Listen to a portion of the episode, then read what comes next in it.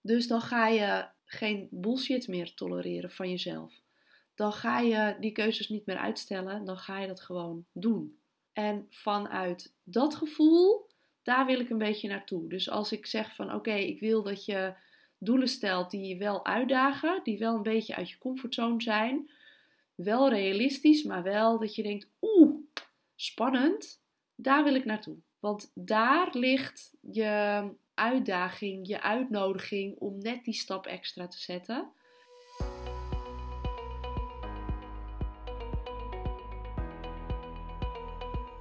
En dan is dit alweer de laatste aflevering van dit jaar. Deze aflevering zal voor de kerst gepubliceerd worden. En daarna heb ik twee weken kerstvakantie. Die heb ik helemaal leeg geroosterd. Zodat ik mezelf de ruimte gun om te doen waar ik zin in heb, waar ik inspiratie voor heb. En dat kan werk zijn, maar dat kan net zo goed privé zijn. En ik heb daarin alle ruimte en mogelijkheid om te volgen waar we als gezin behoefte aan hebben. Nou, als je het interessant vindt hoe ik bijvoorbeeld keuzes maak rondom de drukke decembermaand, waarin eh, de drukte toch wel tot het hoogtepunt komt, zeg maar. Ik heb het kerstdiner van de kinderen geskipt. Simpelweg omdat het vorig jaar onder schooltijd was. Dat was deels door corona. Of misschien wel helemaal, ik weet het eigenlijk niet. Maar dit jaar is het s'avonds en dat heb ik over het hoofd gezien. Dus ik moet daarvoor extra op en neer naar school rijden. En ik krijg het niet weg in mijn agenda. Dus ik heb keuzes gemaakt. Keuzes moeten maken. En inmiddels zijn de kinderen daar ook wel aan gewend. En gaan we iets anders leuks doen. Dus het komt helemaal goed. Iedereen is er gelukkig mee met die keuzes. Maar dat zijn wel keuzes die gemaakt moeten worden. En datzelfde geldt voor de kerstdagen zelf. Ook daarin maak ik keuzes.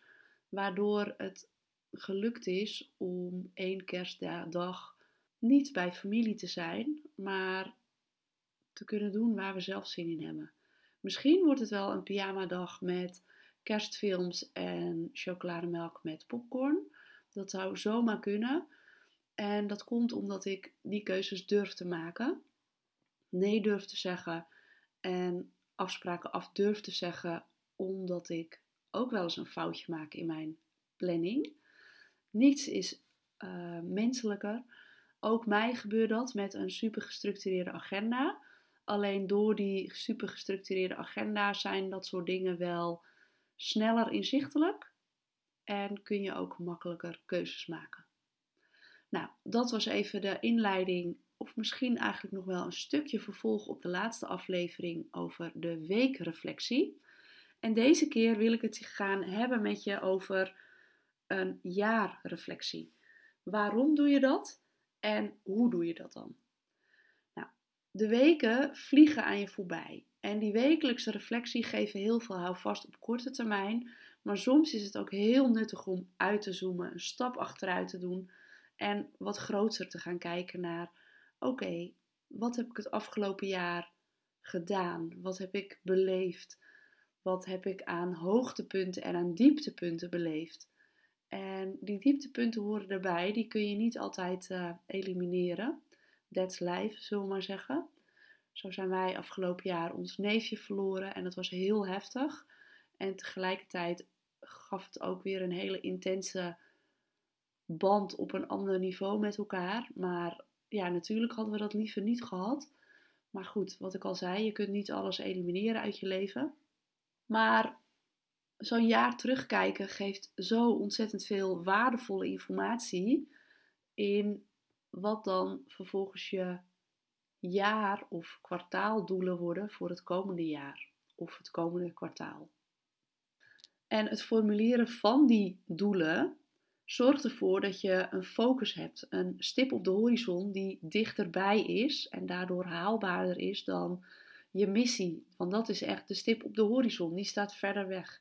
En een kwartaal of een jaardoel maakt het kleiner en daardoor dichterbij en realistischer. En dat maakt ook dat je bewuster keuzes kunt gaan maken.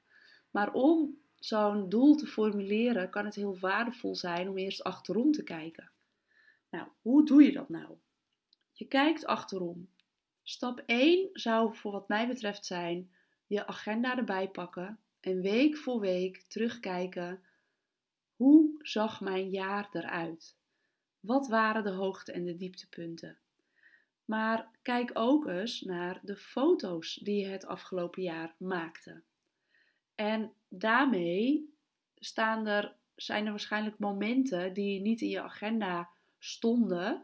Of waar je door de foto weer even van realiseert: oh ja, wauw, dat gevoel, dat, dat moment, dat, ja, dat, dat kunnen zulke mooie of spontane dingen zijn die niet in je agenda voorkomen, maar die je snel vergeet. Maar door ook je foto's terug te kijken, krijg je daar weer zicht op. En dat je denkt, oh ja, wat was dat mooi. Als je een dagboek of een journal bijhoudt, kun je daar ook eens doorheen bladeren en kijken van, oké, wat, wat schreef ik op? Hoe voelde ik me? Waar maakte ik me zorgen over? Waar voelde ik me echt blij over? Of waar werd ik juist heel blij van? Of wat was mijn missie? Waar, waar schreef ik over het afgelopen jaar? En als je dat overzicht maakt, en daarmee, nou wellicht had je al doelen hè, aan het begin van, uh, van dit jaar, kun je ook kijken van oké, maar hoe heb ik daar vorm aan gegeven? Hoe heb ik dat terug laten komen in mijn agenda, in mijn weken, in mijn leven? En heb ik dat gerealiseerd? En daarin wil ik je ook absoluut uitnodigen om lief voor jezelf te zijn als dat niet gerealiseerd is, want dat kan. Ik denk dat het waardevol is om hier naar terug te kijken en te concluderen wat er wel en niet gelukt is, waardoor je het komende jaar andere keuzes daarin kunt gaan maken. Dus kijk eens terug en ga dan eens na wat waren hoogte- en dieptepunten op alle levensgebieden. Dus dan heb ik het over werk, ik heb het over je relatie, je gezin, familie, vrienden, maar ook over je gezondheid. Staan er heel veel afspraken met artsen in. Uh, wat kun je aan keuzes maken het komende jaar om te zorgen dat jouw gezondheidslevel omhoog gaat? Door bijvoorbeeld naar de sportschool te gaan, je anders te gaan voeden, je daarop te laten coachen. Nou ja, noem het maar op.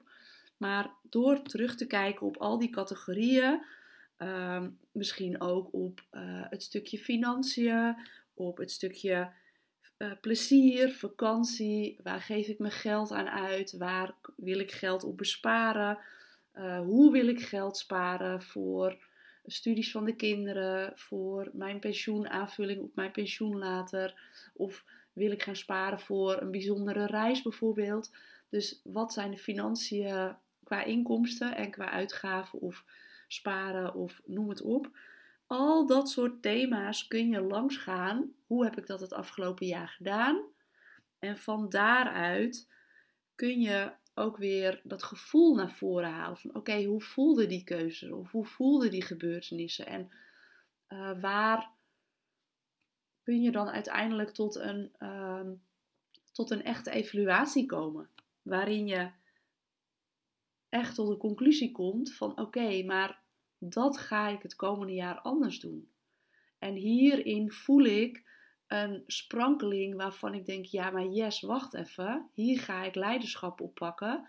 Dit ga ik echt rigoureus anders doen. En het hoeft ook niet echt per se rigoureus. Het kunnen soms ook de kleine dingen zijn die juist die hele grote verschillen gaan maken. En dan ga je vooruitblikken. Ga je vooruitblikken in wat wil ik het komende jaar? Waar wil ik meer ruimte voor? Waar wil ik meer aandacht aan geven? En dan ga je weer per categorie werk, relatie, gezin, vrienden, familie, gezondheid. Misschien zijn er uh, studies of vaardigheden waar je je skills in wilt ontwikkelen. Um, financiën noemde ik net al. Uh, het stukje plezier. Waar wil ik plezier aan beleven? Waar beleef ik plezier aan? Wat was ik eigenlijk vergeten? Wat heb ik begin dit jaar gedaan? Wat ik daarna eigenlijk door de drukte en de red race van het leven ben vergeten. Maar wat wil ik het komende jaar niet één keer, maar elke maand of elke week terug laten komen, bijvoorbeeld? Waar wil ik mijn tijd aan besteden zodat ik meer plezier beleef? En hoe ga ik mijn financiën organiseren? En op het moment dat je dat hebt geformuleerd en schrijf dat ook daadwerkelijk op. Hè? Maak het concreet, schrijf het op papier, zodat je er ook echt inzicht in krijgt, dat je het terug kunt lezen en dat je geen dingen vergeet van, oh ja, wat waren mijn doelen ook alweer? En als je dan je doelen per levensgebied hebt genoteerd, zal ik je allereerst adviseren om te voelen hoe voelt dit?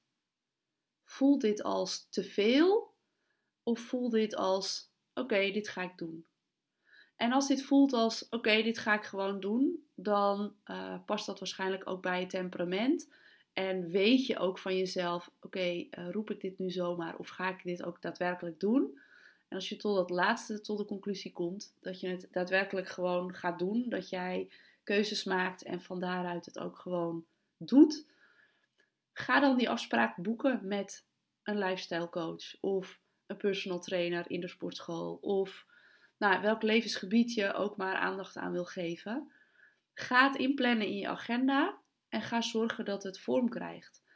En als een keuze is, ik wil meer aandacht besteden aan die ene vriendin, stuur haar een berichtje met een mooie kerstboodschap en plan alvast een datum in in het nieuwe jaar. Dan staat het maar. En maak tijdens die afspraak ook gewoon meteen een vervolgafspraak. Trek je agenda en ga zorgen dat dat terugkeert in je agenda. Maar als je nou denkt: oké, leuk al die doelen, maar het benauwt me een beetje. Ga dan voor het komende kwartaal één ding kiezen waar jij het komende kwartaal aandacht aan geeft. Waardoor het behapbaarder wordt. Ga dat wel daadwerkelijk ruimte geven in je agenda. Dus ga daarin ook de stappen nemen. Ga ook die afspraak maken met die personal trainer of met je vriendin. Of ga die afspraak maken met je leidinggevende om te sparren over hoe je je werk efficiënter in kunt delen. Of waardoor je meer werkplezier kunt ervaren. Of dat je tijdelijk de werkdruk wat wilt verlagen. Een lagere caseload wil. Of noem het op. Maar plan die afspraak met je teammanager of met wie dan ook. Ga inplannen. En als het iets is wat je zelf gaat doen, maak dan die afspraak met jezelf. Maar noteer hem wel in je agenda. En noteer ook meteen eind maart een moment in je agenda waarin je terug gaat kijken naar je jaardoelen of naar je kwartaaldoel die je gekozen hebt. En ga daarop weer een reflectie doen. Ga achterom kijken en denk: oké, hoe ga ik dit verder fine-tunen? Hoe wordt dit al onderdeel van mijn structuur? En ga ik het komende kwartaal er een ander jaardoel bij pakken die ik ook belangrijk vind, waar ik ook aandacht aan wil besteden?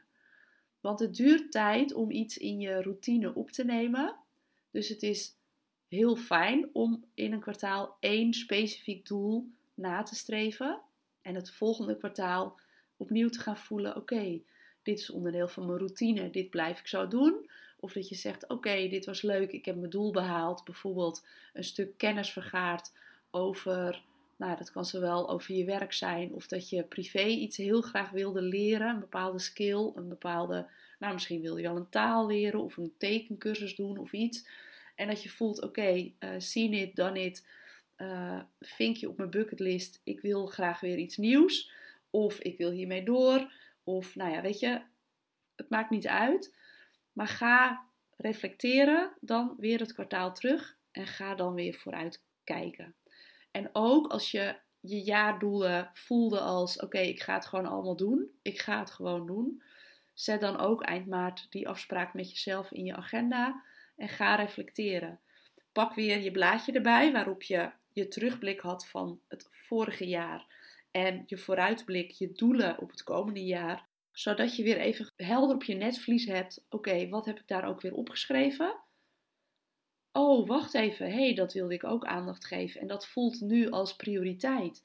Dat ga ik het komende kwartaal oppakken en integreren in mijn lifestyle in mijn agenda terug laten komen. En wat ook heel fijn kan zijn, is dat je rekening houdt met vakanties. Dus de kwartalen waar de zomervakantie invalt bijvoorbeeld, of wellicht heb je op een ander moment een mooie vakantie gepland staan. Zijn dat nog dingen die je kwartaaldoel in de war kunnen schoppen? Als je bijvoorbeeld vier of vijf weken op vakantie gaat, ik hoop dat je zo lang op vakantie gaat, ik gun het je van harte dan kan het best zijn dat zo'n kwartaaldoel niet realistisch is, niet haalbaar is, simpelweg omdat je een aantal weken op vakantie gaat. Of dat er een bruiloft op je programma staat. Ehm, of dat je getuige bent op de bruiloft van een vriend of vriendin waar je veel tijd en aandacht aan gaat besteden. Dus als je dat soort dingen goed op je netvlies hebt, dan weet je ook van oké, is dit realistisch? Is dit haalbaar? Ga ik dit doen? En aan de andere kant is het ook belangrijk dat je de lat hoog genoeg legt. Dat het je genoeg uitdaagt, dat het je stretcht.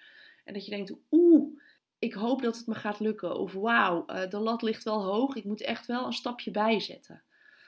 Want dat is wat je wil. Je wil jezelf wel uitdagen. Want in een eerdere aflevering heb ik wel eens de vraag gesteld: oké, stel dat je nog vijf jaar te leven hebt. En um, weet je, als je, stel dat je zegt van oké, ik ga gewoon 150 worden, dat is leuk, maar dan, nou, dan, uh, wat dit jaar niet lukt, kan volgend jaar ook nog. En stel dat je een diagnose krijgt waarin de arts zegt: Oké, je hebt nog drie maanden te leven, dan gooi je waarschijnlijk alles overboord en ga je uh, datgene doen wat bovenaan op je bucketlist staat.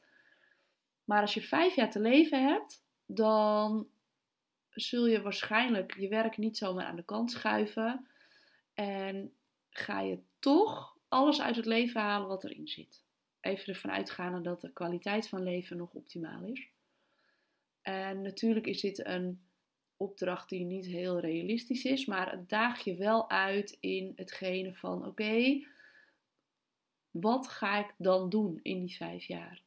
Hoe ga ik zorgen dat ik in mijn werk de keuzes maak waar ik echt blij van word, waar ik uiteindelijk echt impact ga maken?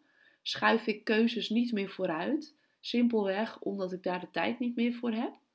Dus ga je alle dingen die je eigenlijk maar een beetje vooruit schuift en keuzes die je daardoor maar niet maakt, die ga je dan wel maken. Die ga je wel maken als je voor het blok gezet wordt en gezegd wordt: Oké, je hebt nog vijf jaar.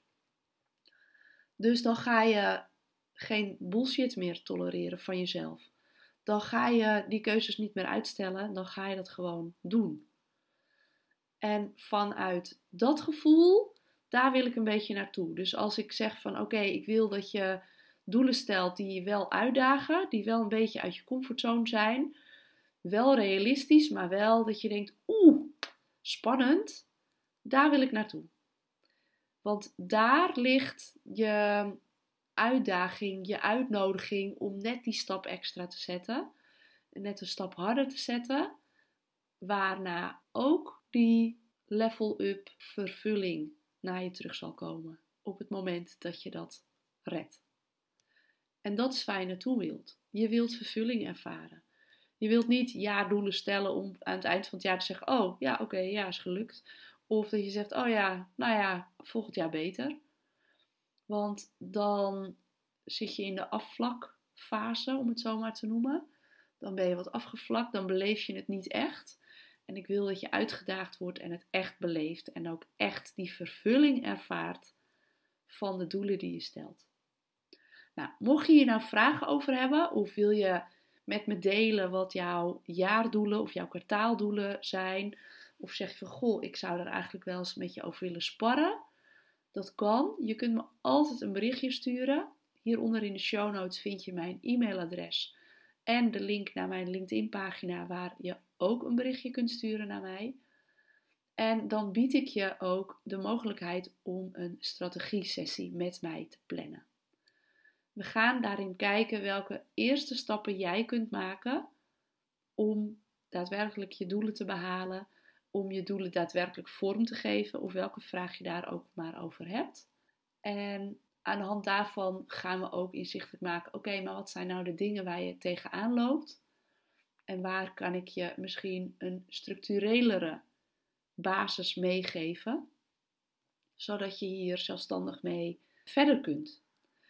En de manier waarin ik dat aanbied, dat is het succestraject, waarin ik jou leer gemotiveerd keuzes te maken om een stressvrije modus te integreren en vanuit daaruit ruimte in je hoofd en in je leven te maken om jouw missie de plek te geven die het verdient.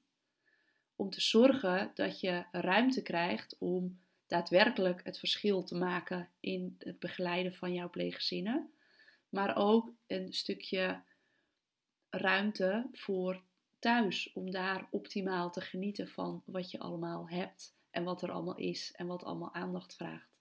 En dat je dat ook met aandacht en focus kunt doen, omdat je weet dat je werk, dat je grip hebt op je werk, dat je grip hebt op je agenda en dat je precies weet wat de komende week van jou verwacht wordt, wat je te doen hebt in je werk, wat rust geeft. Wat maakt dat je het los kunt laten en in het moment in je gezin aanwezig kunt zijn. Dat is wat ik je gun. Ik gun jou mooie uitdagingen voor het nieuwe jaar. Ik gun jou focus en aandacht op het moment dat je op je werk bent. En ik gun je alle focus en aandacht op het moment dat je thuis bent. Met jezelf, met je partner, met je kinderen, familie, vrienden, noem het op. Echte aandacht, omdat je los kunt laten en over kunt laten aan je agenda en je takenlijst, waardoor je in het moment kunt genieten van wat er op dat moment is. Nou, dan ga ik deze podcast, de laatste podcast van 2022, afsluiten door jou een ontzettend fijne kerst te wensen, waarin je leiderschap hebt op hoe je die kerst invult, met wie je dat deelt. En ik gun je hele mooie momenten, intieme, mooie, diepgaande gesprekken. Dat waar jij uh, zo naar hunkert. En ik wens jou een heel mooi 2023, waarin jouw missie, zowel in je werk als thuis, volledig tot uiting kan komen en dat jij daar de vervulling van mag ervaren. Geniet van de mooie feestdagen die eraan komen en tot in het nieuwe jaar hier in de Pleegzorgpodcast of in mijn mail of via LinkedIn. Tot ziens!